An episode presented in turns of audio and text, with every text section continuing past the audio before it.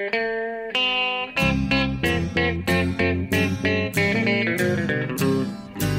out there, we're on the air. It's hockey night tonight. Tension grows, the whistle blows, and the puck goes down the ice.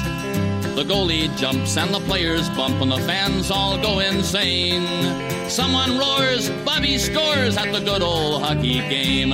Oh, the good old hockey game is the best game you can name. Hallå, hallå, hallå, hallå, hallå, hallå, hallå, hallå, hallå, hallå. Ja, hallå, hallå, välkomna till NHL-podcasten eh, med Jonathan Teddybjörnen Ekeliv, som vi hörde där, i Stockholm, hemma på Å- Åsagatan för en gångs skull, och jag ska snart berätta varför. och eh, jag då, Per Bjurman i New York, ett sommarknakande New York. Eh, och nu ska vi spela in vårt 329 avsnitt. Eh, och det är då som sagt lite annorlunda. I vanliga fall sitter Jonte på redaktionen i en liten studio och har det bra.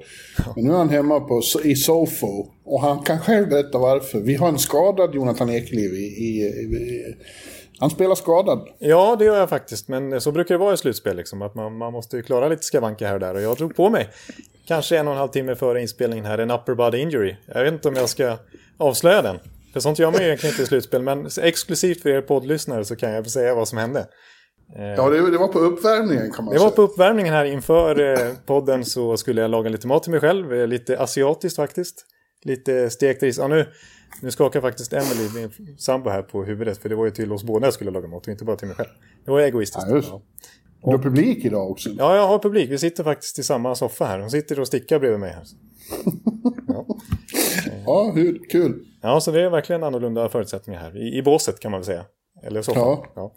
Jag i alla fall eh, skulle eh, mandolin, med en mandolin eh, skära eh, morötter. Och eh, ni förstår ju vad som hände. Jag tog skar mig så det började ju blöda ymnigt. Ja. Och eh, det var ju bara, det var läkarpersonal in, det vill säga Emily fick rycka in här och eh, ja, vi har redan bytt plåster två gånger. Egentligen är det på gränsen till att det skulle behöva sys tror jag, men eh, vi har kört med bomullstussar här som kompress och så vidare. Så att just nu, det håller ihop i alla fall. Så att det är inga problem att, spela in podd. Så här är slutspelstider. Nej. Nej, men om du svimmar så vet vi vad det beror på. Ja, ja, exakt så är det. Men, nej, men just nu ser det faktiskt ganska bra ut. Jag har slutat blöda. Ja, det är inte så långt till SÖS annars Jonathan, där du bor. Nej, det är sant. Det är gångavstånd. Så att det behöver inte ens skicka hit en ambulans. Nej. Men det bevisar än en gång att du ska inte vara i närheten av vassa saker eller motorer eller någonting som är farligt. Nej, precis. Nej, det är väl så. Jag, jag, jag borde bara ha så barnvänliga saker runt mig kanske. ja, värderat rum. Ja, jo, faktiskt. För att annars så gör jag bort mig. Ja, Ja. ja. Så Och förmyndare. Ja, precis. Ja, ja, men vi får försöka ordna det här i alla fall. Själv är jag väldigt eh, trött, för det är man ju i slutspelet. Så vi är lite sargade båda två. Ja, faktiskt. Men samtidigt är man ju taggad. Jag menar, det är ju... Vi Verkligen. närmar oss slutet av första rundan och på vissa håll är det redan över. Så att jag menar, vi har ganska mycket som vanligt att dissekera och... Ja, jag vet inte var vi ska börja idag, men, men mycket har vi pratat om i alla fall. Verkligen, verkligen. Vi, eh, de här, eh, ja, jag tror vi gör så helt enkelt att vi, vi tar dem i den ordning vi brukar och somliga är avgjorda, andra pågår. Eh, och det är väl helt enkelt. Eh, Ja, exakt. Eh, När, när du säger det så har vi ju en specifik ordning. Vi brukar ju köra våra serie för serie i, i den ordningen vi har bestämt, så det är inte svårare än så. Så vi börjar väl helt enkelt med Pittsburgh mot Islanders. Precis. Och eh, där eh, så är det ju nu i, när vi spelar in då, det här är eh, på onsdagen vi gör det. Och det är tre matcher ikväll. Och det är Game 6 mellan dem då, här på, i New York, på Long Island. Just det. Och eh, Islanders har slagläge som det heter, matchboll. De kan avgöra ikväll. Det är många sådana matcher ikväll. Jävligt spännande afton väntar. Ja, bland annat i, i, i Tampa också vill jag bara indikera här. Ja, ja, vi kommer dit Johan. Vi kommer. Ska vi inte ta den nu då? Jag skojar. Eh, och eh, det är väl lite oväntat, sett till senaste matchen är det lite oväntat att, eh, att Islanders har det övertaget. Det har ju, precis som vi föreställde oss ha sagt, så har det varit en extremt jämn och tight eh, tillknäppt serie.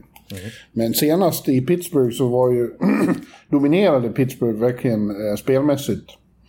Men eh, Islanders var extremt opportunistiska och, och vann till slut på övertid på ett eh, bedrövligt målvaktsmisstag av Tristan Jarry. Och jag skulle väl säga att eh, just målvaktsmatchen där är det ganska tydligt att Islanders har vunnit och allra tydligast i just den matchen. Men jag hade nog i så fall tänkt att det skulle vara Valamov som vann målvaktsmatchen mot Tristan Jerry. Och inte nu faktiskt Ilja Sorokin som har tagit över i kassen istället. Och ju gjorde en supermatch här i Game 5. Verkligen. Eh, den ryske rookien var helt fantastisk i den matchen. Även någon match innan, men framförallt då så var han ju... Det lyste om honom. Han gjorde helt otroliga räddningar emellanåt. Ja. Om man kollar på min, mina avancerade siffror, jag kommer in på dem redan nu efter bara några minuter i podden. Eh, men där är det faktiskt ganska tydligt just också, apropå målvaktsmatchen, att jag brukar ju prata om goal saved above average som liksom är någon slags indikator på hur många mål man har räddat mot vad man borde kanske släppt in eller tvärtom. Och i det här fallet är det väldigt tydligt för att Sorokin borde ha faktiskt ha släppt in tre och ett halvt mål fler, om man nu kan släppa in ett halvt mål, eh, än vad han har gjort i den här serien hittills. Och det är bäst i hela slutspelet. Medan Tristan Jury i Pittsburgh då, han borde ha räddat tre fler mål än vad han har gjort. Och det är sämst i slutspelet hittills. Ja, men det förvånar mig inte, för jag skulle vilja säga att det har varit väldigt bra målvaktsinsatser nästan på samtliga håll. Eh, eh, utom där. ja. Vilket jag faktiskt kan ge dig att du reste ett litet varningsfinger för, eller vad säger man? Eh, ja. I våran preview, just Tristan Jerry. Ja, jag, jag, jag, ser det som att de inte har haft så bra förspränt där sen, eh, ja, sen Flurry var som bäst. Eh, men Mary var ju bra de där två åren och vann playoff, eller vann alltihop, men sen så tappade han. Och, och Tristan Jerry är någon slags Matt Murray-typ. Det är ju så. Ja. ja, han har inte bevisat i alla fall att han ska vara en contenders starter som man kan hålla i handen. Eh, det har ju varit Nej. tydligt i de här matcherna. Och faktiskt under grundserien också. Han var inte dålig under grundserien, men ingen liksom superfaktor kanske.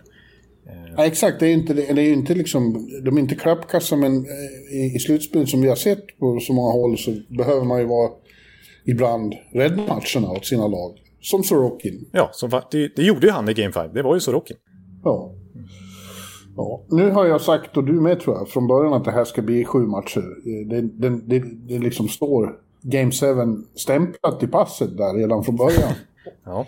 Men, eh, men nu är det ju så, det, är inte, det kommer inte vara lätt för, eh, för Pittsburgh att komma ut på Long Island ikväll.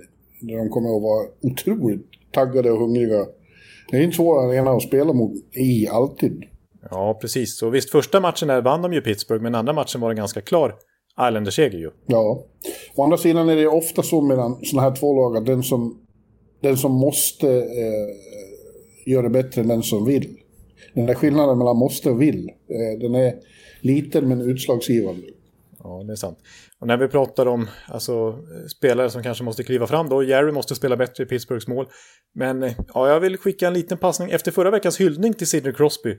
Jo, jag hade ju till och med honom som en av mina Hard Trophy-kandidater under grundserien då. Och nu vill du slå en passning till honom. Det, det blir han säkert glad för. Han ja, visserligen. Ja, han kan behöva en passning och, och öppet mål här. Eh, men jag, skick, jag menar snarare en sån här liten hård en kompispass. Ja, en liten eh, örfil. Ja, det kan man säga faktiskt. Det är ju hårt att och, och, och, liksom ge en örfil till Sidney Crosby. Det är, det är oförskämt av mig. Men kollar man nu på hans senaste slutspel efter de här fantastiska 17, eller 16-17 då, när han blev Conn Smythe-vinnare båda gångerna faktiskt ju. Eh, så ja, han, vad har han? Sex poäng på sina senaste 13 slutspelsmatcher. Det är ju inte Sidney Crosby-esk, så att säga. Nej, men det är väl också en som... Eh, det ägnas väldigt... Eh, jag kommer tillbaka till min gamla käpphäst där om att de viktigaste och bästa får, är ju väldigt uppvaktade. Mm. Det har han ju alltid varit, och, och, men eh, när det har gått bra så har han lyckats eh, vrida sig ur greppet. Liksom. Nej, det, precis. Men det är inte... Det är, man får väl ändå konstatera nu när han är, är han, 34 år Eh, att det inte är riktigt samma nivå då. Även om jag tyckte uppenbarligen bara för några veckor sedan att han gjorde en fantastisk grundserie och han vann både mål och poängligan internt i laget och, och jag hade han alltså som en MVP-kandidat. Så att, ja. ja, men är det något vi har lärt oss senaste veckan så är det vad som händer i grundserien betyder väldigt lite. Nej, det kommer vi komma väldigt mycket in på senare här tror jag. Men han, det är väl inget konstigt. Han är som sagt han är 34 och när det nu liksom skruvas det åt i slutspelet. Det är ju eh, inte lätt alls att prestera på samma nivå. Å andra sidan, redan när han var ung, så 2008 så tog Henrik Zetterberg bort honom ur finalen. Eh, det är det man måste göra om man ska slå Pittsburgh. Ja. Ja, det är sant. Nej, och liksom, man skulle ju kunna gnälla lite på Islanders då, att en sån som Matt Barzell har gjort noll mål i den här serien hittills. Samma sak där, precis. Eh, så att det är ju... Men där, där är ju Islanders en sån lagmaskin, så de är ju inte så jätteberoende. Alltså, ska de gå hela vägen så måste en sån som Barzell producera ännu mer, men de är ju liksom... Hela laget är ju som en degklump liksom, så att... Det, det är klump, det lät inte så positivt. Nej, men det, det, det sitter ihop. Ja, det gör det verkligen. Så att eh, någon Det är en organism liksom. Mm. Och där, där eh, alltså det, det där laget, det är, så mycket, det är så mycket större än summan av de enskilda spelarna. Precis. Men jag kom på en sak jag vill säga också apropå... Eh, alltså det gjorde du? Ja, du är förvånad här. Jag kom på något jag vill säga här. Eh. Nej, inte direkt. Nej, nej. det brukar alltid låta så. Den, den meningen har du sagt miljoner gånger. Ja, faktiskt. Usch. Men eh, jag tänkte på, uh, förra veckan lyfte du fram Lou Lamoriello då när Kyle Palmieri avgjorde första matchen att det är typiskt sån Lou fingertoppskänsla. Mm. Att, uh, vid trade deadline. Men jag tycker två andra riktiga Lou-moves som har varit synliga i den här serien hittills. Det är dels Jean-Gabriel Pachot som faktiskt står på fem poäng hittills i den här serien. Eh, bäst ja, han kom vid deadline förra året. Precis, som han betalade dyrt för då. Och också vill jag nämna Elias Sorokin som visserligen är draftad av Gard Snow i den gamla regimen. Men det var ju redan, alltså det är ju så länge sedan som 2014 han draftades. Det är ju ingen ung målvakt på det viset som är helt purfärsk som till exempel Spencer Knight som vi kommer att prata om i Florida-serien. Utan det var ju länge liksom tal om att han aldrig ens skulle komma till Nordamerika. Men så lyckas Lou övertala honom, få honom till bubblan där i somras. Trots att han inte liksom fick spela då så var han ändå med där, akklimatiserade sig till Nordamerika, till laget, lärde sig engelska. Och nu är han en faktor här i, i den här slutspelserien. Det är också Lous verk vill jag säga. Mm. Eh, så att, eh, ja, han är duktig, 78-åringen. Verkligen. Ikväll kan vi få se en som inte har betytt så mycket då. Det har ju varit Tra Travis Sajak som är med i Palmieri-dealen. Just det. Men eh, det verkar som Oliver Wallström inte kan spela då. Han skadades senast. Just det, då, den unge supertalangen ja. Ja, då blir svensk Sajak... pappa. Mm. Är det så? Jag, jag tänkte just fråga dig om hans... Det är ju ett svenskt namn. Mm. Ja, han har en svensk pappa. Jag kan inte hela den där historien, men som har bott... Han är ju liksom själv uppväxt i USA då, Wallström. Eh, eh, blev ju ett YouTube-fenomen som typ 8-9-åring när han gjorde massa Zorro-konster och sånt där. Okej. Okay. Och sa då men han kan då inte prata här... svenska? Eh, ja... Ja. Jag är tveksam till om Wallström kan prata svenska faktiskt. Mm. Du kan väl någon gång när vi åker på resan kan du väl gå fram till honom och säga något. Hej, det är jag som är teddybjörnen. ja, då förväntar jag mig att han bara säger hallå, hallå, hallå, hallå. precis, precis. Ja, men du, vad, vad, vad tror vi då? nu ska jag säga en sak till. Jag tycker Malkin har ju, han har haft en jobbig säsong med skador och så, men senast så såg han riktigt vass ut. Ja, precis. Det är lite förvånande att han har sett så pigg ut efter de här skadeproblemen. Och faktum är att i den där senaste matchen, då spelar han ju mest av alla forwards i laget. Han spelar typ 3-4 minuter mer än Crosby faktiskt. Ja, ja men det såg väl Sullivan att han är på G. Och, och, och, och Letang har ju fortsatt vara liksom yngre än vad han är egentligen. Ja, han har. Eh, verkligen. Där ser man inte att han har blivit äldre. Ja, jag säger så här. Islanders better win. Eh, eh, och, och avsluta serien ikväll. För Game 7 i Pittsburgh blir ju extremt svårt. Ja. Uh, men jag, jag, jag, jag, Otroligt svårt. Men jag, jag tror att det blir Game 7 i alla fall och att Pittsburgh tar det här till slut. Okej, okay, men vi säger så här att... vi, vi kommer fram till detta att Islanders, vi tror mycket på dem i hemmamatchen här nu som är i natt. Och torskar ja. de den, då tror vi att Pittsburgh vinner på hemmaplan. ja, exakt så. Vi behöver inte säga något mer än så. Ja, just det. Ja. Ja, den andra serien i East-divisionen den är ju avslutad sedan länge känns det nu då, efter det har gått några dagar. Och det är Boston då som slog eh, Washington med 4-1. De förlorade första matchen i Washington, sen vann de fyra raka. Det. det. var ju imponerande, men jag tycker framförallt att, eh, att Washington var en väldigt stor besvikelse. Ja, jag håller med dig om det och de måste själva se den här säsongen nu som ett stort antiklimax. De satsar ju ändå ganska mycket med att ta in Peter Leviolette inför säsongen. Jag var inne mycket på det då att han är ju känd då för att få fart på sina lag snabbt direkt. Stanley Cup med Carolina och han gick till final med Philadelphia snabbt och han fick fart på Nashville Predators och så skulle han ta Washington nu med en åldrande kärna till en snabb eh, Stanley Cup här innan fönstret stänger. Men så slutar det med en slutspelseger. Ja, ja nej, det var, det var ju en... Eh, och, och det, det sa de väl själva, spelarna när de hade sina exit-intervjuer häromdagen sa ju det också. Att det var, de var ju besvikna på sig själva och tyckte att eh, eh de hade haft en mycket bättre säsong än så här. Men mm. jag har fått en känsla av att det är tre raka slutspel nu sedan de vann då, 2018, så har de åkt ut på det här sättet i första rundan. Mm. Eh, inte första året var, gick de ju en hård kamp mot Carolina, då var det sju matcher, men, men sen det känns som det behöver fyllas på med lite hunger och, och äh, åtrå efter att vinna igen. Det känns inte som det är tillräckligt hårt engagemang när man ser dem spela.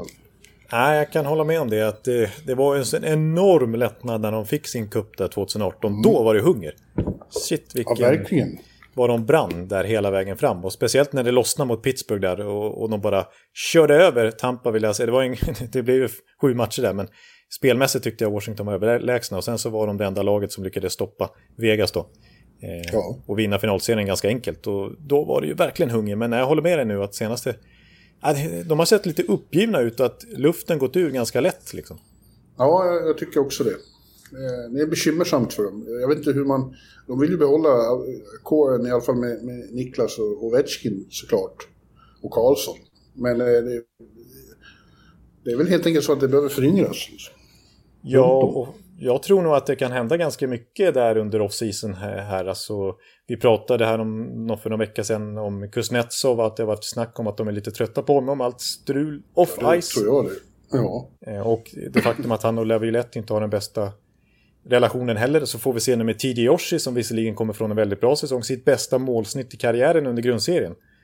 Eh, men där har det ju pratats mycket om att man ska släppa hans stora kontrakt. Han är ju trots allt faktiskt 35 nu i år eh, TD Yoshi till Seattle. Han är ju från delstaten Washington och eh, alltså där Seattle ja. ligger ju. Och att han ska bli kapten och liksom ansiktet utåt lite grann för nya laget. Även om han själv höll ett brandtal här på exit-intervjun och sa att han minsann verkligen vill stanna i Washington. Han skrev det här åttaårsavtalet för att han ser sig själv spela där resten av karriären och hans barn har växt upp i Washington DC och det är det Washington han vill bli bofast i. han är en väldigt omtyckt lagkamrat som människa. Mm. Men vi får se. Sen var det ju såklart då strul med målvakterna och det, vi var väl inne på det att det känns eh, dubiöst när, när man startar de tre första matcherna med olika målvakter. Det, det brukar vara ett tecken på att det inte är som det ska. Nej, precis. Och jag menar, jag tycker han kan skylla lite på skadeproblem på viktiga spelare här. De var ju alla med. Eh, ja, Kuznetsov missade ju de två första matcherna på grund av covid-protokollet där och även Samsonov, målvakten. Men jag menar, Bäckström var väl lite, liksom har sin krånglande höft. Ovechkin var borta mycket i grundserien innan slutspelet. John Carlson hade lite skavanker. Oshie för den sakens skull hade också problem. Så att det var inte ett helt, känns det som, eh, homogent Washington som klev in i det här slutspelet från början. Nej, så var det nog. Samtidigt ska ju ingen förringa eh, Bostons insats. Eh, de såg väldigt starka ut och desto mer engagerade och, och eh, fick ju långsamt igång deras, deras bästa som man säger var ju mycket bättre än Washingtons bästa. Ja. Marchand och Bergeron och till slut även Pasternak var ju riktigt... Eh, Mördande. Ja. Ja, de började, ja, de började åtminstone närma sig. I, ta, I takt med att serien gick så blev de mer... Ja, Marchand var det från början, men hela kedjan började liksom bli den, den som alla fruktade. Ja. I takt med att serien gick. Mm. Men det är ju inte så oväntat. För mig är det, är den stora positiva överraskningen att, att förlusterna av Chara och och eh, crew inte har märkts på, eh, i defensiven. Eh, istället har Charlie McAvoy växt ut till liksom, en solklar nummer ett.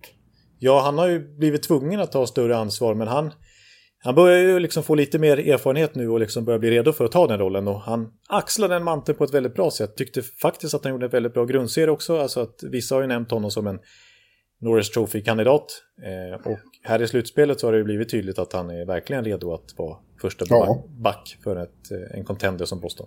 Han har absolut varit en av de bästa backarna i hela playoff. Mm. Det skulle jag vilja säga. Mm. Och, eh, ja, och sen är det ju det där då, eviga secondary scoring. Det har ju hjälpt väldigt mycket med, med Taylor Hall. Så är det ju. Ja. Det var ju en väldigt lyckad trade. Verkligen, verkligen. Eh, och ja, det var, har jag varit inne mycket på då. Eh, men jag vill nämna det igen då, eh, för den statistiken har ju förbättrats ytterligare sen senast vi pratade om det. Eh, tar vi nu sen, ja det var det 12 april som de tradade till sig Taylor Hall, fram till nu, deras record under den tiden är ju 16-4-2. Och det är bäst i hela NHL. Sen trade deadline så har Boston bäst record i hela ligan. Inklusive slutspel. Ja, och jag tror att, eh, att eh, det har ju varit så genom åren med den här generationen. Lyckas de på en gång, då blir de svåra att tas med. Alltså. Ja, nu är det någon som vill eh, hålla på, det kanske hörs, som vill börja hamra lite här under NHL-podden. Kan det vara någon, eh, kan det vara någon Washington-supporter som hörde jag gnällde lite grann? Eller? Säkert. Ja, det, det, stör inte oss, det stör inte mig och lyssnarna, det lovar jag. Men eh, eh, vi kan inte avbryta för att grannarna hamrar. Nej, precis. Ja. Nej, eh. vet, fuck. Ja, ja. Hantverkare är det värsta som finns eh, när, man inte, eh, när man inte vill bli störd. Ja, just det. Ja, det bästa som finns när man eh, har problem med lägenheten och behöver hjälp snabbt. Ja, det är, det är sant. Ja, men eh, eh, oavsett om det blir Pittsburgh eller Islanders så kommer Boston att ge den motståndaren en jävla tuff match, tror jag. Ja, det tror jag också. Och bara för att liksom knyta upp Boston-säcken lite grann här så tror jag att alltså, förra året så innan coronaavbrottet kom så var ju de faktiskt överlägsna i grundserien i fjol. Det kanske man glömmer bort lite grann. De ledde alltså grundserien med sju poängs marginal ner till närmsta lag i mars. Just det. Ja, och sen, och sen var det krångel med pandemin. De trivdes inte i bubblan. Framförallt Tucka försvann ju. Precis. Så, och... och då var det ju frågetecken inför den här säsongen. Liksom Tucka i målet, utgående kontrakt dessutom och hur hans motivation och hur är det med, med backsidan då när både Chara och Krug har försvunnit och hur är det egentligen med den här kåren där Martian blir ett år äldre, där Bergeron blir ett år äldre. De börjar ju faktiskt komma till rollen, till åren ganska mycket. till rollen? eh, ja, men eh, alla de där olika frågetecknen tycker jag har rättats ut totalt. Jag menar, Martian gör sin bästa grundserie någonsin, bara öst in poäng och, och fortsätter på samma spår här i slutspelet. Eh, backsidan med Charlie McAvoy och jag vill också verkligen höja Bruce Cassidys betydelse också för det försvarssystem som han ja. sätter. Eh, har inte varit några större problem. Och så Tucka Rask har ju varit, han vann ju målvakts, målvaktsmatchen överlägset här mot sina tre motståndare. mot tre andra, ja. ja. Ja, det är återigen eh, Tucka. Två U, två K och inga returer. Boom! Där kom den. För första gången ja. på länge tror jag. Ja. Ja, ja men du tittar ju på North nu då? Är det inte så? Eh, alltså, jag, jag, jag har för mig att vi fortsätter med, ja du vet vilken serie jag vill komma in på. Men alltså... Med Central, ja men absolut. Central, ja. Då, ja, då tar vi Central. Ja. Eh, och där så eh, är det ju då... Där är på, det pågår ju fortfarande bägge serierna. Och ja. eh, är otroligt spännande. Det är de två... Det är, jo, det är det. Det är de två mest kittlande, fascinerande serierna. Det, är det hävdar jag bestämt. Även om väst eh, kan... Vegas och Minnesota kan också göra anspråk på att vara med där. Men, men jag tycker eh, lätt att eh, Central-uppgörelsen är mest spännande. Det, det, tycker du i ett fall, men du får hålla med även i det andra. Ja, Carolina Nashville har varit en väldigt speciell serie och väldigt mycket publik på läktarna. En fantastisk inramning. Ja, ja verkligen. Och väldigt mycket spännande eh, matcher har det varit. Mm. Ja, och det är då eh, först och främst Carolina-Nashville. Eh, som ju känner, när vi spelade in det här senast, då kändes det som serien var avgjord redan. Eh, då hade Carolina vunnit två hemmamatcher tämligen övertygande. Och min, mitt eh, ursprungstips om att det kunde bli skräll i den här serien kändes som det, en riktig flopp. ja, precis. Och jag får ju ställa mig i skamvrån här. För jag sa ju i det avsnittet att ja, den här serien kommer ju vara över. Om det är någon serie som är över nästa gång vi pratar så är det ju den här. Så ja, blev det ju verkligen inte. Men inte alls. För när de kom hem till eh, Nashville då blev Predators ett annat lag. Eh, pådrivna av sin fantastiska publik. Och eh, jag var ju där. Jag såg båda matcherna fredag och söndag. Mm, och det var ju lätt årets höjdpunkt. Eh, på alla sätt. Det var det roligaste jag varit med om i år. Ja, en sån sak. Förmodligen sen pandemin bröt ut. Det var ju så otroligt underbart att, vara i en... Som kändes som totalt fullsatt Bridgestone med detta otroliga jävla tryck. Och de bar ju fram Nashville till en, två riktigt gutsy insatser. Ja. Eh, det, man har ju den här känslan, eller hade då, och även delvis i, i Game 5 igår, att Carolina är nog kanske eh, sett för position för position bättre. Mm. Ett bättre hockeylag, men eh, Nashville tar dem med sin hyggliga sisu. Det är ett rytande monster. Ja, det, det visar de även lite grann i Game 5 på bortaplan som de faktiskt höll på att- ställa till med en seger i. Ja, Men framförallt känns det som att det är ju just den här season har de ju fått från sin hemmapublik. Alltså det var ju de som, som lyfte dem in i den här serien. igen. Ja. Eh, otroligt bra kämpatag och eh, fått igång... Eh, det är ju inte, det är inte Filip som har gjort målen. Han blir ju lite borttagen i sin fina mustasch. Men eh, det är andra som kliver fram och avgör. Konin och, och Tenin och allt vad de heter. Ja. Tenin heter han inte. Tre- Trenin, Ja. eller Trenin om man nu säger. Ja. Ry- Ryssen i alla fall. Men framförallt känns det som en lag... Och så en otrolig Jussi Saros i kassen. Båda de målvakterna var helt fenomenala. Ja, ja precis. Ned, Ned har gjort några räddningar som man bara har liksom tappat andan av. Men sen vill jag berömma Nashville på det här sättet också, apropå Game 5 som de till slut förlorar då. Och där väl Carolinas styrka till slut blir för tung att bemöta liksom. Eh, eller säger man, bemästra? Vad säger man? Ja, bemästra. Ja. Eh, men faktum är att, jag menar, Carolina kör ju alltid på sitt, sin hårda forecheck och sin bålgetingstil där i offensiv zon och liksom trycker till Nashville och sen får återvinna pucken och sen snabbt in på mål och kastar in puck och allt möjligt i mål. Eh, men faktum är att i Game 5 där, eh, på de, jag ska säga så här först, att på de två första matcherna i Carolina då hade Nashville 29 giveaways och det är ofta så att motståndarlag i PNC Arena blir giveaways-maskiner, kastar iväg puckar till, till Hurricanes. Men i Game 5 då, när eh, Nashville ledde inför sista perioden, fram till dess på de två första perioderna hade de bara en giveaway i hela matchen, trots Carolinas frenesi. Och det säger ju någonting att de har ändå lärt sig lite grann hur de ska möta det här Keynes-laget och det har gjort den här serien jämnare. Absolut. Jag, jag skulle vilja säga att det var ett... De släppte iväg den där. De hade ju matchen igår under kontroll i tredje perioden. De hade gjort Carolina extremt frustrerade. Ja. Som inte kom någonstans. Liksom. De stängde ju ner och, och kloggade igen och fick, fick stopp på Carolina. Och så var det en individuell insats där, där, eh, Martin Netcha, vad säger man? Ja, Nachas, om jag ska prata Nej, nordamerikanska. jag säger nekas. Han, han kan inte nekas. nekas. Nej, just det. Eh, som, det var en stor individuell prestation, men de, de släppte till i, i några sekunder och, och, och så kom de ikapp då.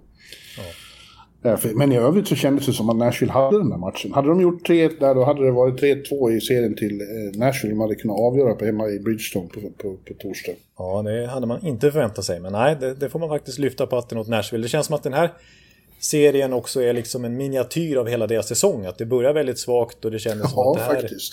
blir ingenting av. Och sen så plötsligt vänder de på det. Och så eh, kan det mycket väl bli någonting av den här säsongen till slut. Och av den här serien för Nashville.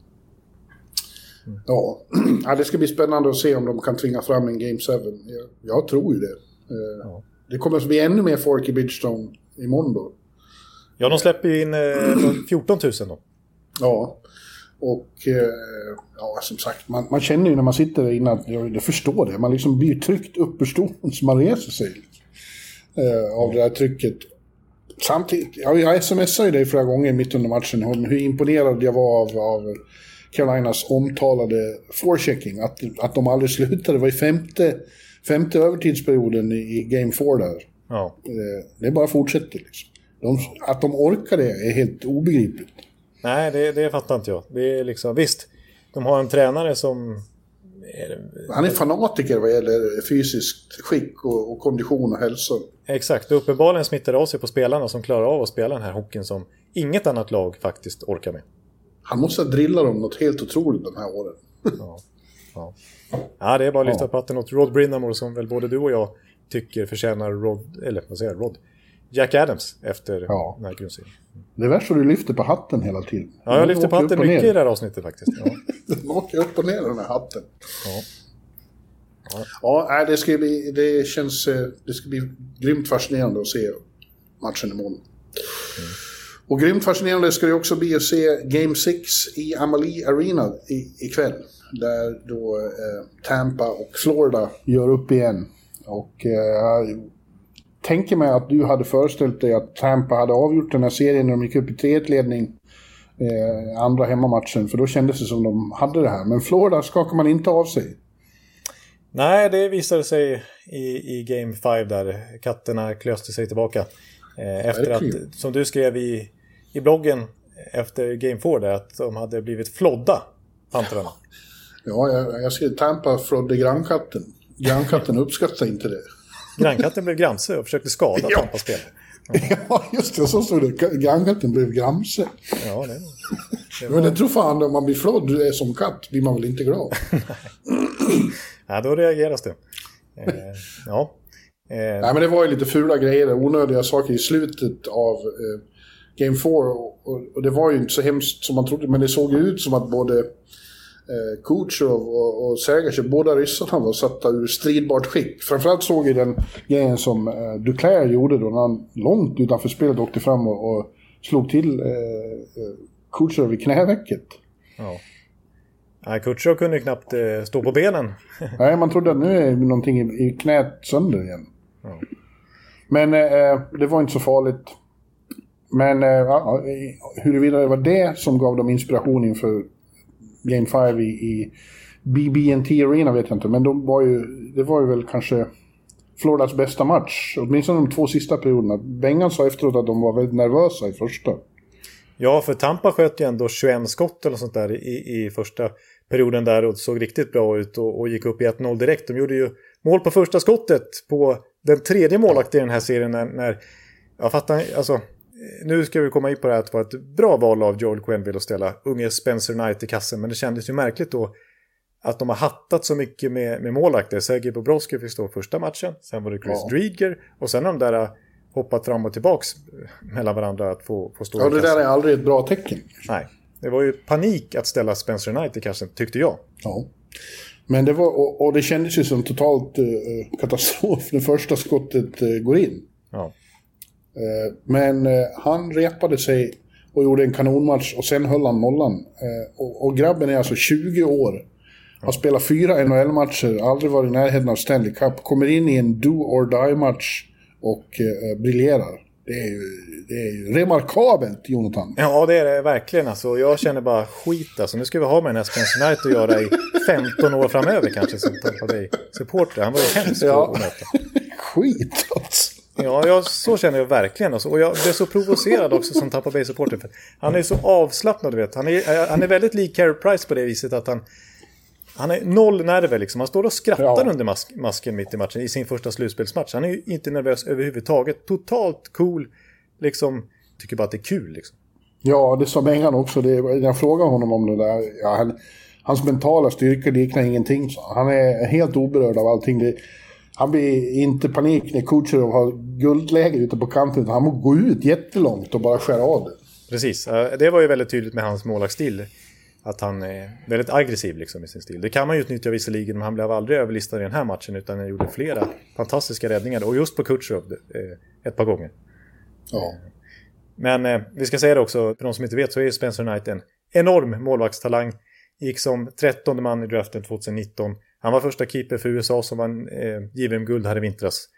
Eh, det är första gången Florida har draftat en, en keeper i första rundan. Och det som är lite ironiskt då är att de några dagar senare skrev det här åttaårskontraktet med Sergej Bobrovski. När de draftar då sin största målvaktstalang i organisationens historia. För att några dagar senare skriva åtta år med Sergej Bobrovski som är skadebenägen och veteran liksom. Det var ju väldigt konstigt. Och den förra ledningen, nu är det ju Bill Zito som är general manager där som gör det, har gjort det fantastiskt bra. Men enormt underbetyg till Dale Talon och tidigare Ja. regim. ja, men det är bra för Seattle. Det är bara att plocka någon av Bobrovski eller Dreger. Ja, Dreger ja, förmodligen. ja, precis. De måste ju skydda, de måste ju skydda Bobrovski i och med att han har klausul då. Och jag Ja. tror inte Seattle vill ha honom ändå, men, men Dreger kan ju mycket väl hamna, hamna då i, i Seattle. Mm. Ja.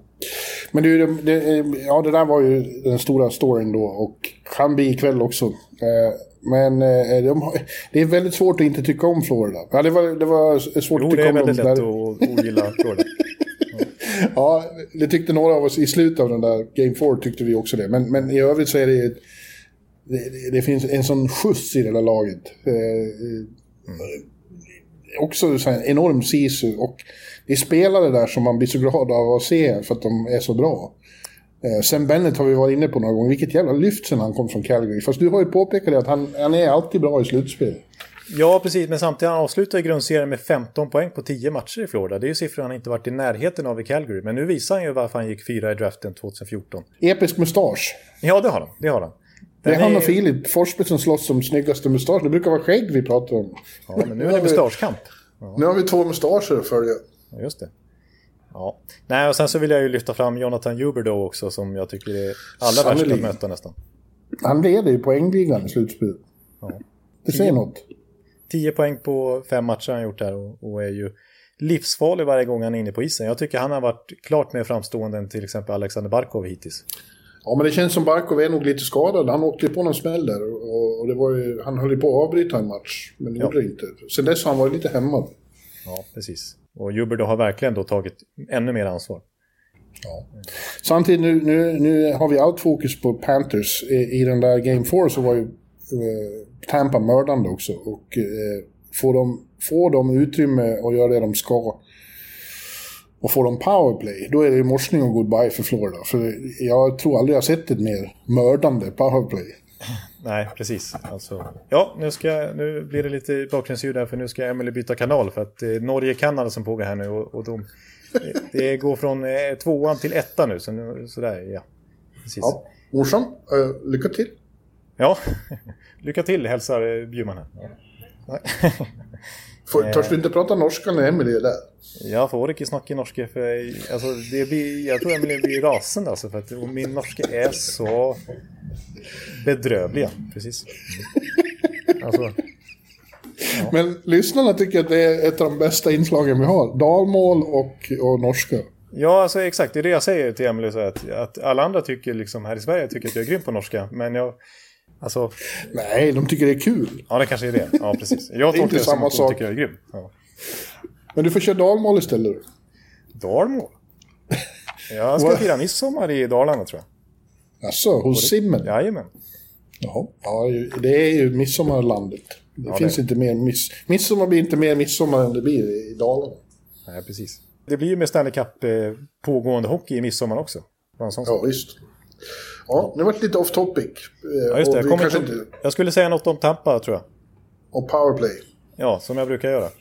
Eh, ja, nej men eh, faktiskt så här, alltså 5 mot 5 så i den här serien så har ju Florida lite bättre underliggande siffror. De har kontrollerat spelet mer, 55% skottövertag, 55% när det kommer till farliga målchanser också. Jo. Men så fort det blir powerplay, då är ju, nu har ju Florida ett väldigt bra powerplay de också, men Tampa har ju det, det bästa powerplayet. Liksom. Ja, jag säger att jag har inte sett många bättre i världen. Nej. Någonsin. Men, och det var ju tydligt då till exempel i, i Game 6, eller Game 5 menar jag. Eh, Game 6 hoppas jag det blir en annan historia. Men Game 5, att eh, Florida vann med 4-1 och Tampa bara fick ett PP. Liksom. Ja, men det pratade Bengan om också efteråt. Att det var ju såklart extremt viktigt för dem. De säger att vi kan inte ge dem några powerplay. Vi måste undvika det. Eh, Så det är de ju inte helt oväntat medvetna om. Nej, precis. Så, att, så länge det är 5 mot 5 så har faktiskt Florida, får jag erkänna, en liten, liten edge i hur det har sett ut hittills i de fem matcherna. Men eh, det är också så, jag kommer tillbaka till det här eh, vill och måste-ekvationen. Det var ju så att Tampa behövde ju inte vinna eh, Game 5, men det var ju... Florida piskade att göra och när det är så jämnt så blir det utslagsgivande. Och det kan kanske vara lika i Amalie, även om Tampa är mycket svårare att slå på hemmaplan. Precis. Och då kanske Tampa känner lite grann att de måste ta chansen nu när det är sista Ja. hemmamatchen. Liksom. Ja, det det kan de mycket väl känna. Eh, och de har, alltså, de har ju enskilda matchvinnare av Guds nåde där i, Point, Kucherov framförallt, men även i Stammer och, och, och Heddy. Ja. Och sen några till som också kan vara i Kilon. Det känns som Kilon alltid är bra i slutspel. Ja, han är väl uppe i en sju poäng. Han själv var här på, på fem matcher. Och en sån som Palat har ju väl gjort kanske fyra eller fem gånger första målet i matchserien de senaste två, tre åren. Så att, eh, Sen behöver ju Vasilevski vara bättre än vad han var senast. Han ja, är ju har- en i två matcher. Han har, han har inte varit på sin högsta nivå hela den här serien. Inte. nej, det håller jag med om. Han avslutar grundserien sista månaden svajigare än vad man är van vid också. Så att nej, han behöver höja sig. Verkligen, om man ska vara den Vessina-vinnande målvakt som folk förväntar sig efter hur det totalt sett sett ut den här grundserien som var. Ja, och är det någon svaghet Tampa har så är det ju, eh, de kan inte hålla på och laborera med tre olika målvakter. Om han inte kan spela, då är det fara och färde. Ja, då är det Curtis McElhaney och, han var väl typ så här 88% i grundserien, så att det duger inte. 23 procent. ja, det känns nästan så. Ja. Eh, ja, det ska bli... Jag, jag ser fram emot den matchen med... med, med, med ja, det känns som jag inte kan vänta på det. Jag hoppar upp och ner. Ja, jag känner... Jag känner både och. Ja, du känner ångest såklart. Ja, ja precis. Jag har ju sagt Men- det. men för oss som inte att alla har- bara lägga sig mot Tampa så kan vi gå få lyfta bucklan där i juli. För oss som inte har skin in the game så är det eh, bara fantastiskt. Ja. ja. Ja. Ja. Men nu tar vi väl North då i alla fall. Nu tycker jag att vi kan få gå, gå på North. Det tycker jag. Ja.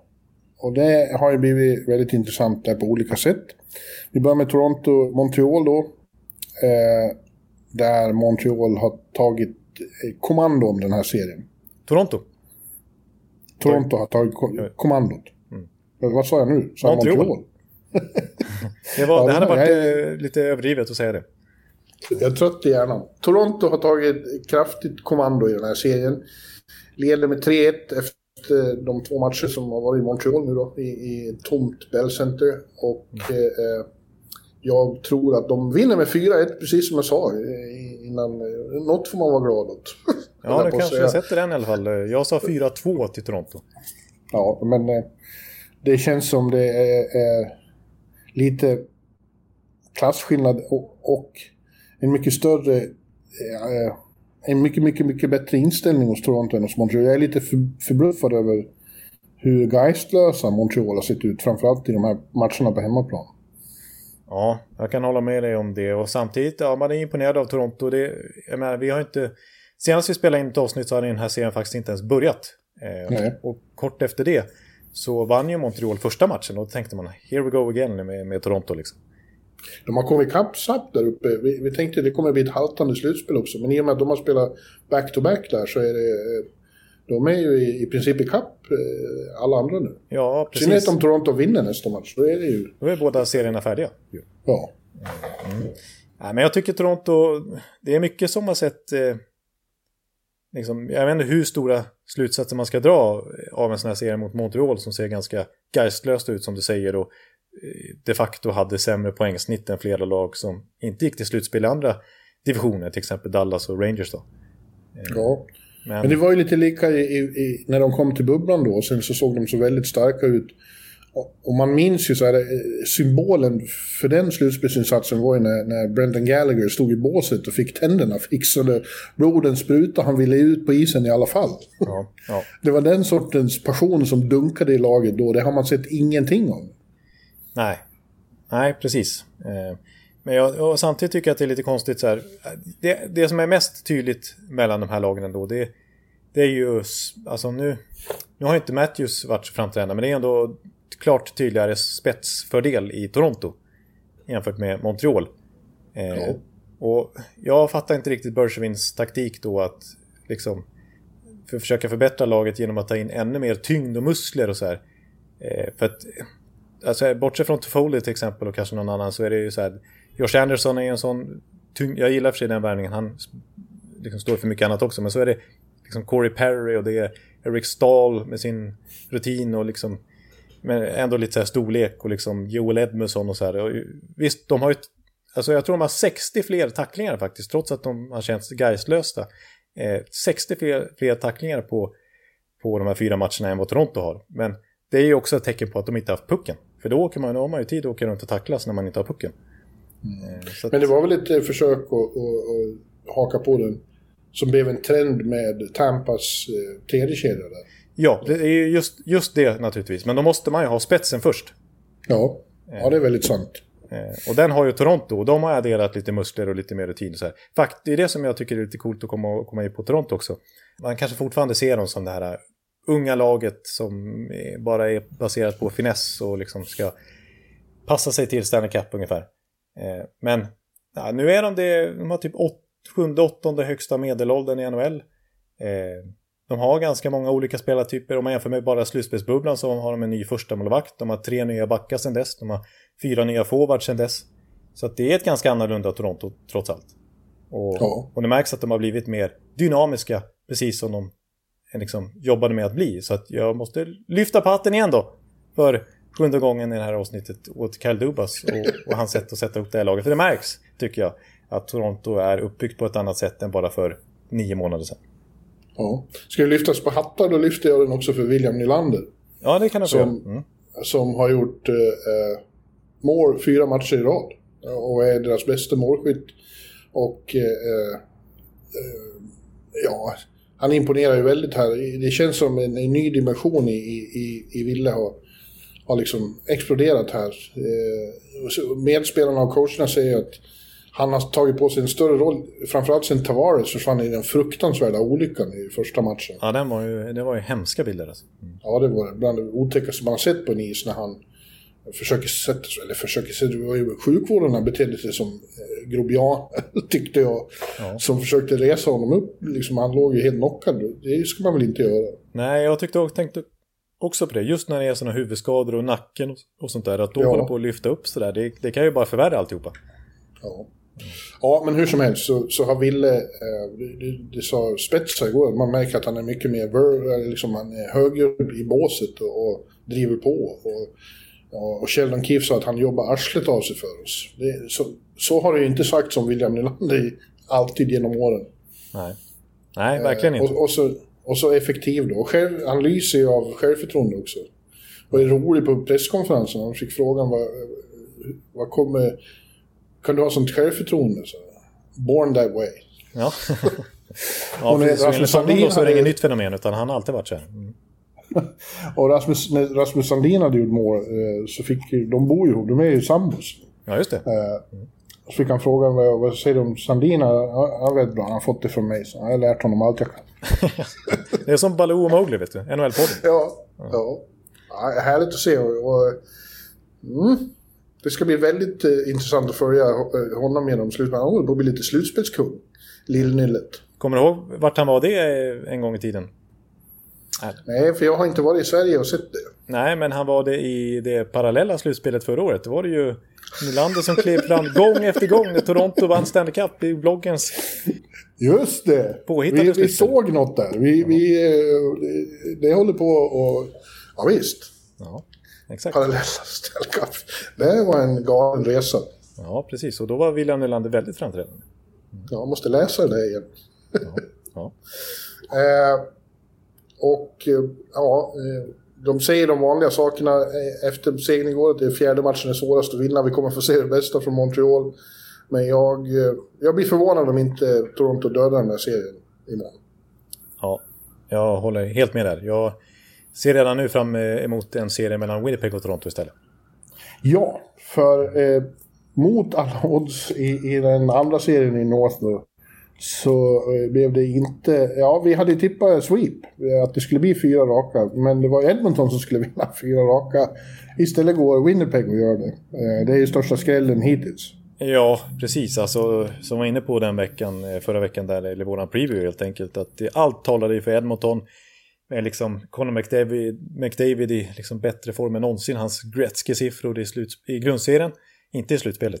Eh, och att då Edmonton hade vunnit sex raka matcher mot Winnipeg och att det var lite skadestrul i Winnipeg. Det var ju formsvagast i hela ligan då när de klev in i slutspelet. Och Ehlers ja. var, var liksom borta då och Dubois var borta. Nu kom de tillbaka i den här serien visserligen. Men allt talade för Edmonton och så blir det precis tvärtom. Ja, verkligen. Eh, det är väldigt starkt av Winnipeg. Det är starkt av Paul Maurice. Eh, det är väldigt många fina framträdande spelare med Wheeler och Shifley i spetsen, men även Ehlers, eh, ja, Kyle Connor. Mm. Ja, och backarna har varit så jävla bra fast de inte ska vara det. Det, är den mest anonyma backuppställningen i hela ligan. Ja, ja Neil Pionk har gått och blivit en ganska bra back faktiskt. Ja. Eh, efter ja. traden från Rangers när många garvade åt honom i princip. Ja, verkligen. Men framförallt är det ju en superflopp av Edmonton igen. Ja. Eh, det är bedrövligt faktiskt. Att vara Edmonton Oilers med två världens bästa spelare som krossar eh, grundserien och sen kommer in och försvinner på det här skitsättet. Ja, det är ju klappuselt. Och visst, deras försvar så 4-0 i matcher kanske inte helt speglar serien då sett till hur matcherna såg ut. Det var fyra jämna matcher, framförallt tre då när, som gick till förlängning. Eh, och Edmonton hade ju ledningen i de två sista matcherna och lyckas slarva bort det. Så att Eh, ja, en riktig choke. Och, alltså, det, är, det är svårt att gnälla för mycket på McDavid liksom, men, men eh, man får ju konstatera att han gjorde ju inte ett lika bra slutspel som grundserie i alla fall, inte i närheten. Nej, de hittade ju ett sätt att ta bort de där två. Ja. Det trodde man inte skulle gå, men det gjorde de. Nej, alltså han gör ju ett mål. Han gör faktiskt fyra poäng, så han är ju point per game på de här fyra matcherna. Men han gjorde ett mål och tre assist, men de där tre assisten kom i samma match och alla tre var faktiskt andra assist. Så att McDavids roll i den här serien blev ju väldigt minimal sett till vad man hade förväntat sig. Ja, men jag kommer tillbaka till det. Han, han sa det själv efter vad som hände i grundserien betyder ingenting. Och det är verkligen sant. Det skruvas åt på ett helt annat sätt i, i slutspelet. Det blir mycket svårare att göra det man uh, gör i grundserien. Uh, och uh, tar man bort de där två, då slår man ju Edmonton. Ja, ja verkligen. För det är det som är grejen. Alltså bredden är ju inte tillräckligt bra. Nej. Det är ju bara så. Och visst, där är det svårt för Ken Holland visserligen då. För att han har ju mindre pengar på sig att att eh, liksom fixa bredden när McDavid och Dreisaitl kostar så mycket som de gör. För att de upptar alltså 26% av löneutrymmet. Eh, ja, och det är, och förblir svårt att locka människor, framförallt UFAs, till Edmonton. Ja. Ingen, som vill, ingen som vill tillbringa vintern där. Nej, nej precis. Ja, men om man jämför med till exempel Boston, eh, ekonomiska medlen som de har att eh, leka med. Där tar deras mördande första kedja tre spelare jämfört med två spelare i Edmonton. Mm. De upptar 23 procent eh, av deras totala lönekaka på, på deras första kedja. Eh, så att, då finns det mer ja. utrymme till secondary scoring. Liksom. Om jag vore fan så tycker, skulle jag också tycka det var bekymmersamt hur det lät efteråt. För det var inte så att de var krossade. Det var ingen så här som satt och såg ut som Jamie Benn precis. När, de, när Dallas hade förlorat finalen. Eh, de ryckte på axlarna lite och sa att ja, det här var ju weird. Och, och en läxa för oss att lära av igen. Och, och ingen riktig liksom så här, be om ursäkt. Fy fan vad dåligt, vi är krossade. Eh, och det tyder ju på ingen riktig emotionell investering. Och det tycker jag skulle vara eh, efter liksom, de gjorde fiasko i bubblan också. Jag tycker att det, borde vara en helt annan inställning där. Ja. ja, och där tycker jag att man kan kritisera McDavid lite grann. För det är ju någonting man har... Vi har pratat om liksom att när han jagade sina 100 poäng här och var så otroligt bra så var det ändå en ganska obrydd och liksom eh, ointresserad Conor McDavid. Han har ingen swagger i, mot media liksom. Det är ju ingen profil utanför isen alls. Eh, och lite samma sak när det går emot här liksom. Ju, du ser ju inte på McDavids kroppsspråk, utifrån vad vi kan tolka i alla fall, att det liksom... Det är inte så att han står upp och liksom engagerar sina lagkamrater eller verkligen försöker ta tag i det så emotionellt, utan det är ju en... Ja, det är en ganska menlös McDavid, oavsett om det går bra eller dåligt. eh, han, han känns ja, inte tycker... entusiasmerande. Nej, nej, men jag tycker framförallt det här eh, att det inte är, är värre att förlora ja. är, eh, är oroande. Ja. Nej, för mm. det, ska, det ska verkligen vara katastrof när man ja. åker ut på det här viset för andra året i rad. Ännu värre i år till och med. Men förra året var det faktiskt hemmaplan i bubblan och det tar slut redan mot Chicago som inte hade några ambitioner alls nästan i det slutspelet. Nej. Ja. Nej, eh, det ska bli väldigt spännande att se vad Winnipeg kan göra fortsättningen mot ett betydligt mer rustat eh, Toronto. Men de kommer inte att gå och skaka av sig hur som helst, det är helt uppenbart. Nej, så är, så är det. Jag tror vi kommer komma in på det mer när, när vi börjar närma oss off-season. Men det finns ju mycket att göra i Edmontons bygge inför nästa säsong.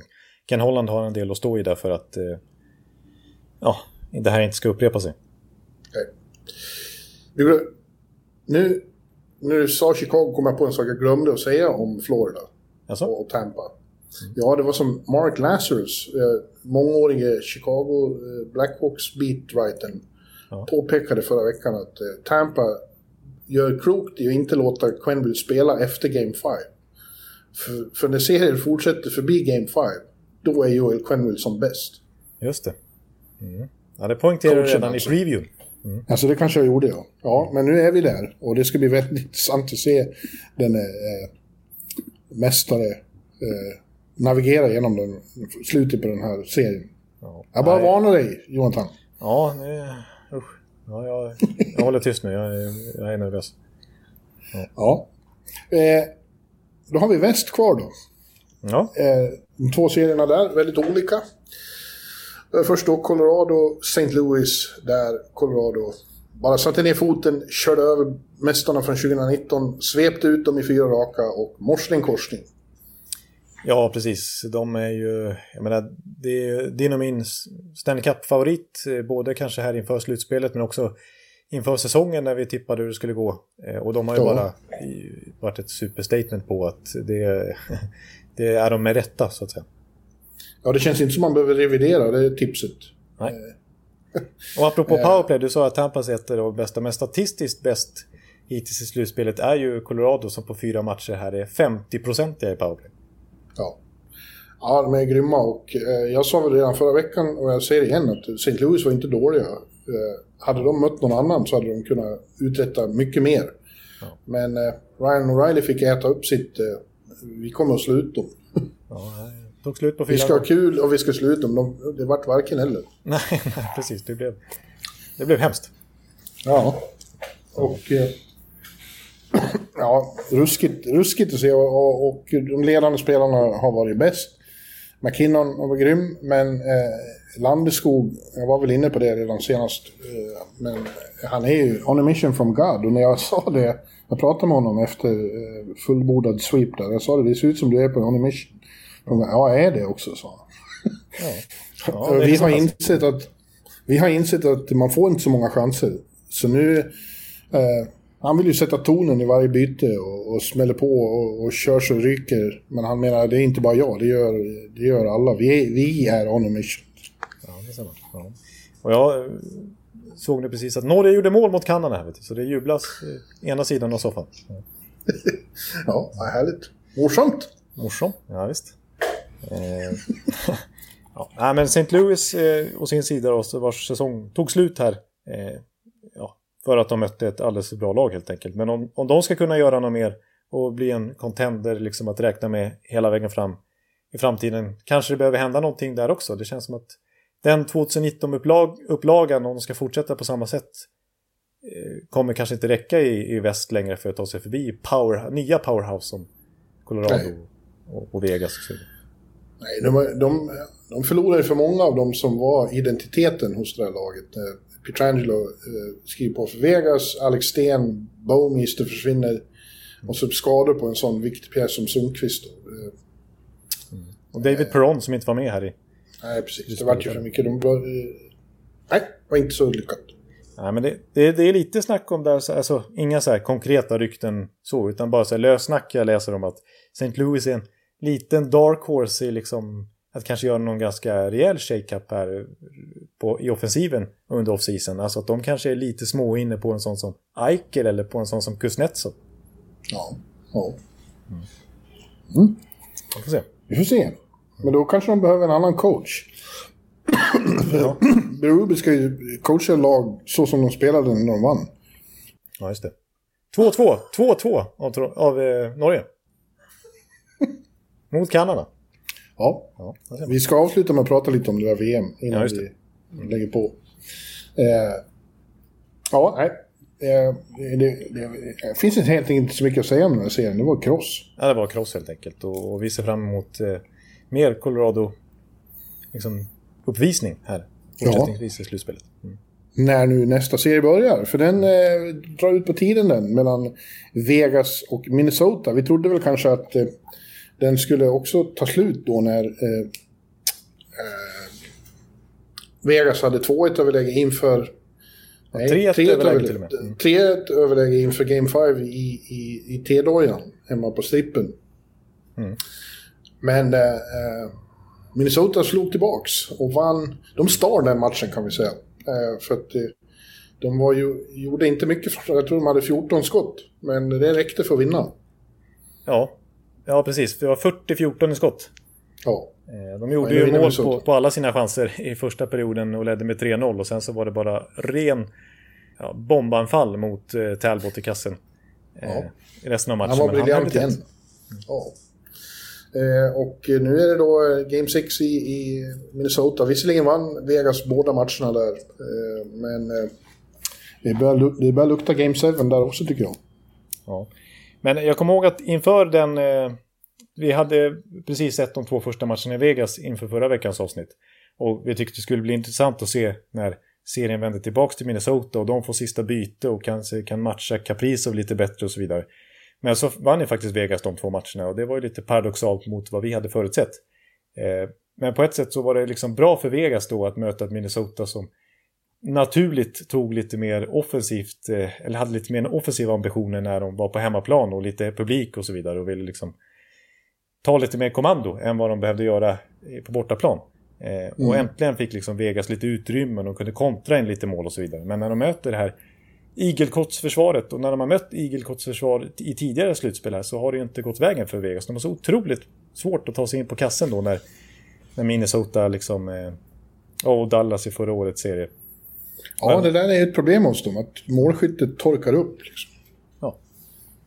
Så även om de har mycket skott, som alltid liksom, de skjuter 40 skott i den här Game 6 och de har skjutit klart fler skott än vad Minnesota har gjort totalt sett i den här serien. Och så är det ju ofta de senaste åren i Vegas att de skjuter väldigt mycket. Men när det kommer till skott från liksom inre slottet, från precis nära mål, då är det faktiskt Minnesota som har fler skott.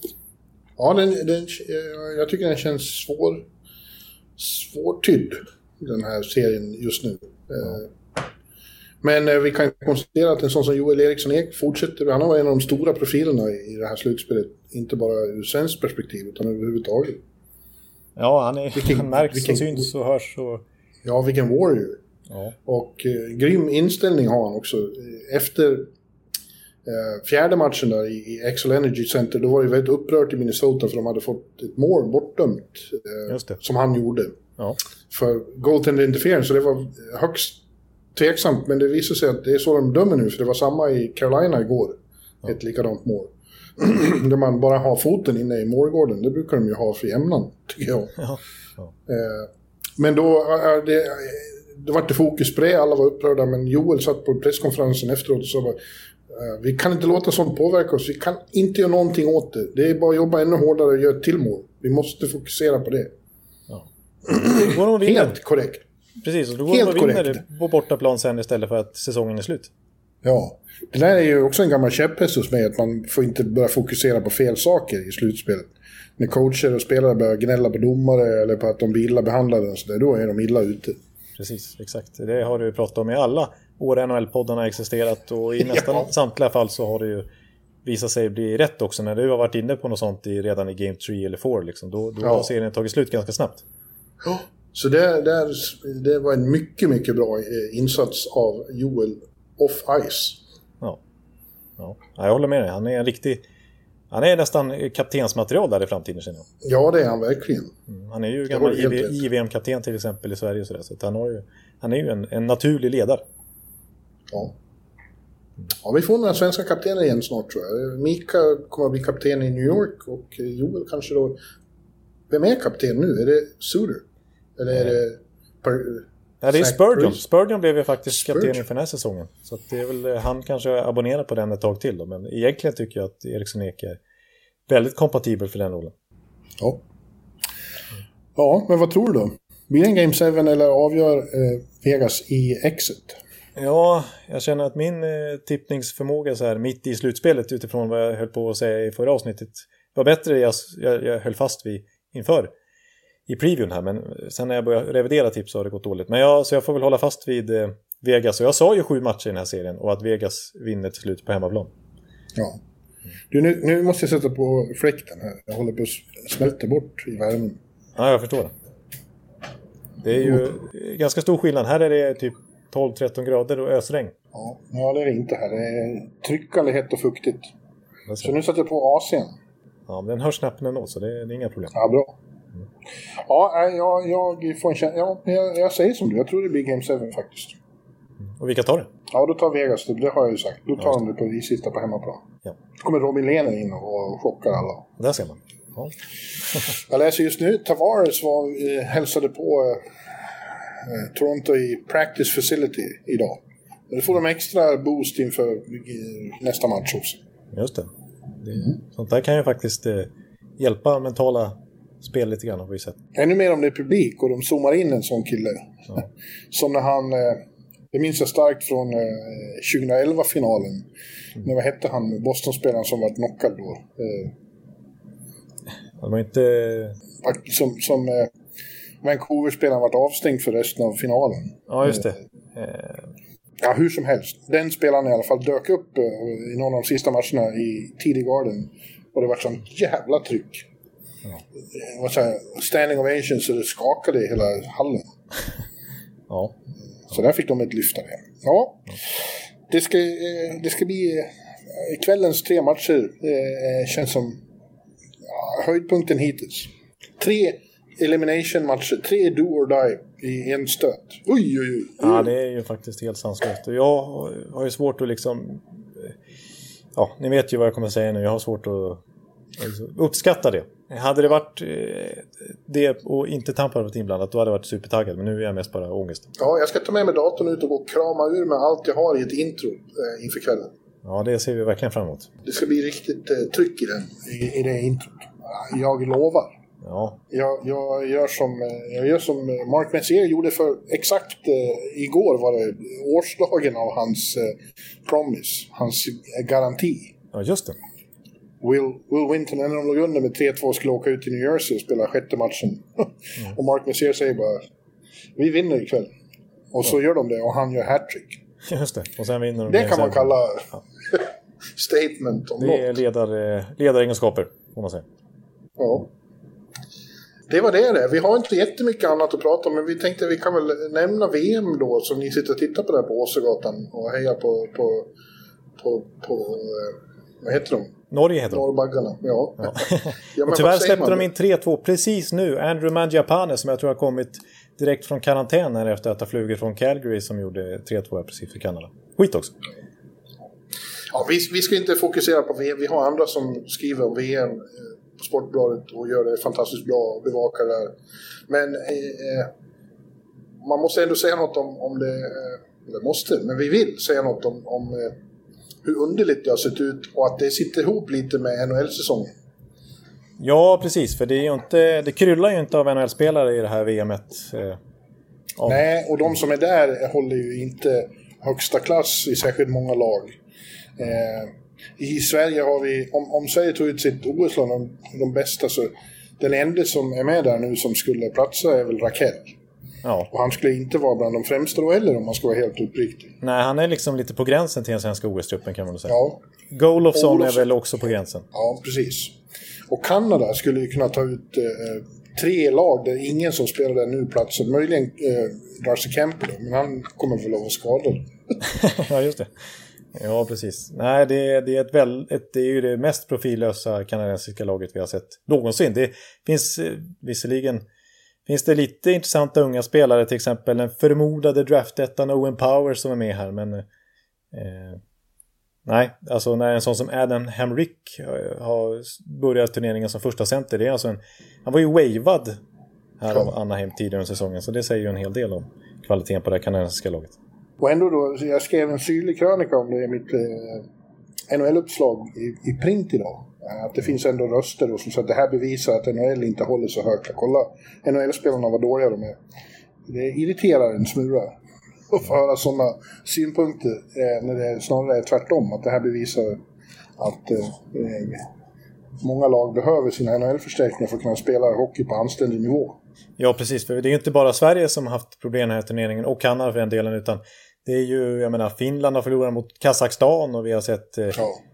Ja, men vi har ju sett skrällar i var och varannan match. Och det är ju för att de här toppnationerna är långt ifrån har sina bästa lag. Och då blir det plötsligt möjligt för ett Tyskland att vinna tre raka matcher. Eller för eh, Slovakien att vara dominanta. Eller för eh, Kazakstan då. Och till och med Norge spelar jämt här mot Kanada. Vet. Till och med, det, det kanske inte är ja, men det, det finns någon som ja det bevisar väl att man är inte stjärna bara för att man spelar i NHL. Och det är ju i och för sig sant, men det är väl aldrig någon som har påstått heller att alla som spelar en fjärde kedja i San Jose kan komma hem och vara dominant i en första kedja i Europa. Det är ingen som säger det. Nej. Man har sina roller och eh, eh, sådana som vi ser, det är inte sådana som kommer hem och tar över ett rum. Och liksom, eh, om man ser på Olofsson och, och, och, och de här, de är ju begåvade hockeyspelare som när de sätts i en väldigt bra miljö blir farliga. Men jag är inte säker på att de är sådana än, åtminstone som gör andra bättre automatiskt. Nej, som plötsligt ska gå in och, och driva ett landslag i ett VM. Det är ju en annan sak. Ja, jag ville få, jag ville få ur med det. Ja, precis. Men nu håller jag på Norge då eftersom eh, jag, jag, jag solidariserar mig med, med eh, din norska fru. Ja, nu tittar jag på Emelie och säger att Bjurman håller på Norge i VM. Ja, det, ja, det gillar hon. Ja. Mm. Även om jag tror att eh, det ser väl lite tufft ut här för Norge. Eh, noll poäng. Ja. Va, har, har de?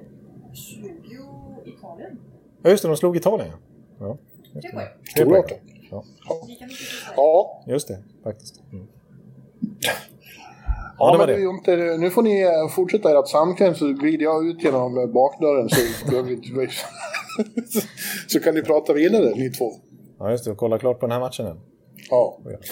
Men nej, det kan väl bli ganska tätt på given när det kommer nästa podd för vi vill göra den innan nästa omgång börjar och det kan väl bli direkt efter helgen det ser det ut som. Ja, det Kanske är ett problem tidigare. med mitt arbetsschema. Jag jobbar 14 timmar per dag här i, eh, i veckan. Så vi får se om jag lyckas klämma in en podd innan dess. Vi, Ja, vi får, vi måste. får återkomma i det ämnet, men eh, vi hoppas ju på det i alla fall. Ja, vi måste. Ja, men du, då tackar vi för den här veckan och kommer tillbaks rätt så snart, säger jag härmed. Exakt. Ja. Mm. Ja, men, eh, tack allihopa för att ni har lyssnat på oss. Återigen i drygt en timme här. Snacka om Stanley Cup helt enkelt. Och, och så gör vi det ganska snart igen helt enkelt. Yes. Tack och bock. Tack och bock. Hej hej. Hej, hej. Hallå, hallå, hallå. Hallå, hallå, hallå. Alex Chiazot, Joe Luis Arena och Esposito. Esposito. Uttalsproblem, men vi tjötar ändå. Och alla kan vara lugna, inspelningsknappen är på. Bjuder Hanna Kohl, han är grym i sin roll. Från korrespondenten har han fullständig kontroll på det som händer och sker. Det blir ju allt fler som rattar in hans blogg. Och lyssna på hans podd. One, two, times speed, so Hallå, hallå, hallå. One, two, times speed, so Hallå, hallå, hallå. Ekeliv, som är ung och har driv. Verkar stor och stark och känns allmänt massiv. Han hejar på Tampa och älskar Hedman. Sjunger som Sinatra. Ja, och där ser man. Nu är det dags för refräng. Dags för magi, Victor Norén. Du är ett geni. Så stand up at home and remove your hats. Höj volym, för nu är det plats. One, two, times speed, so Hallå, hallå, hallå.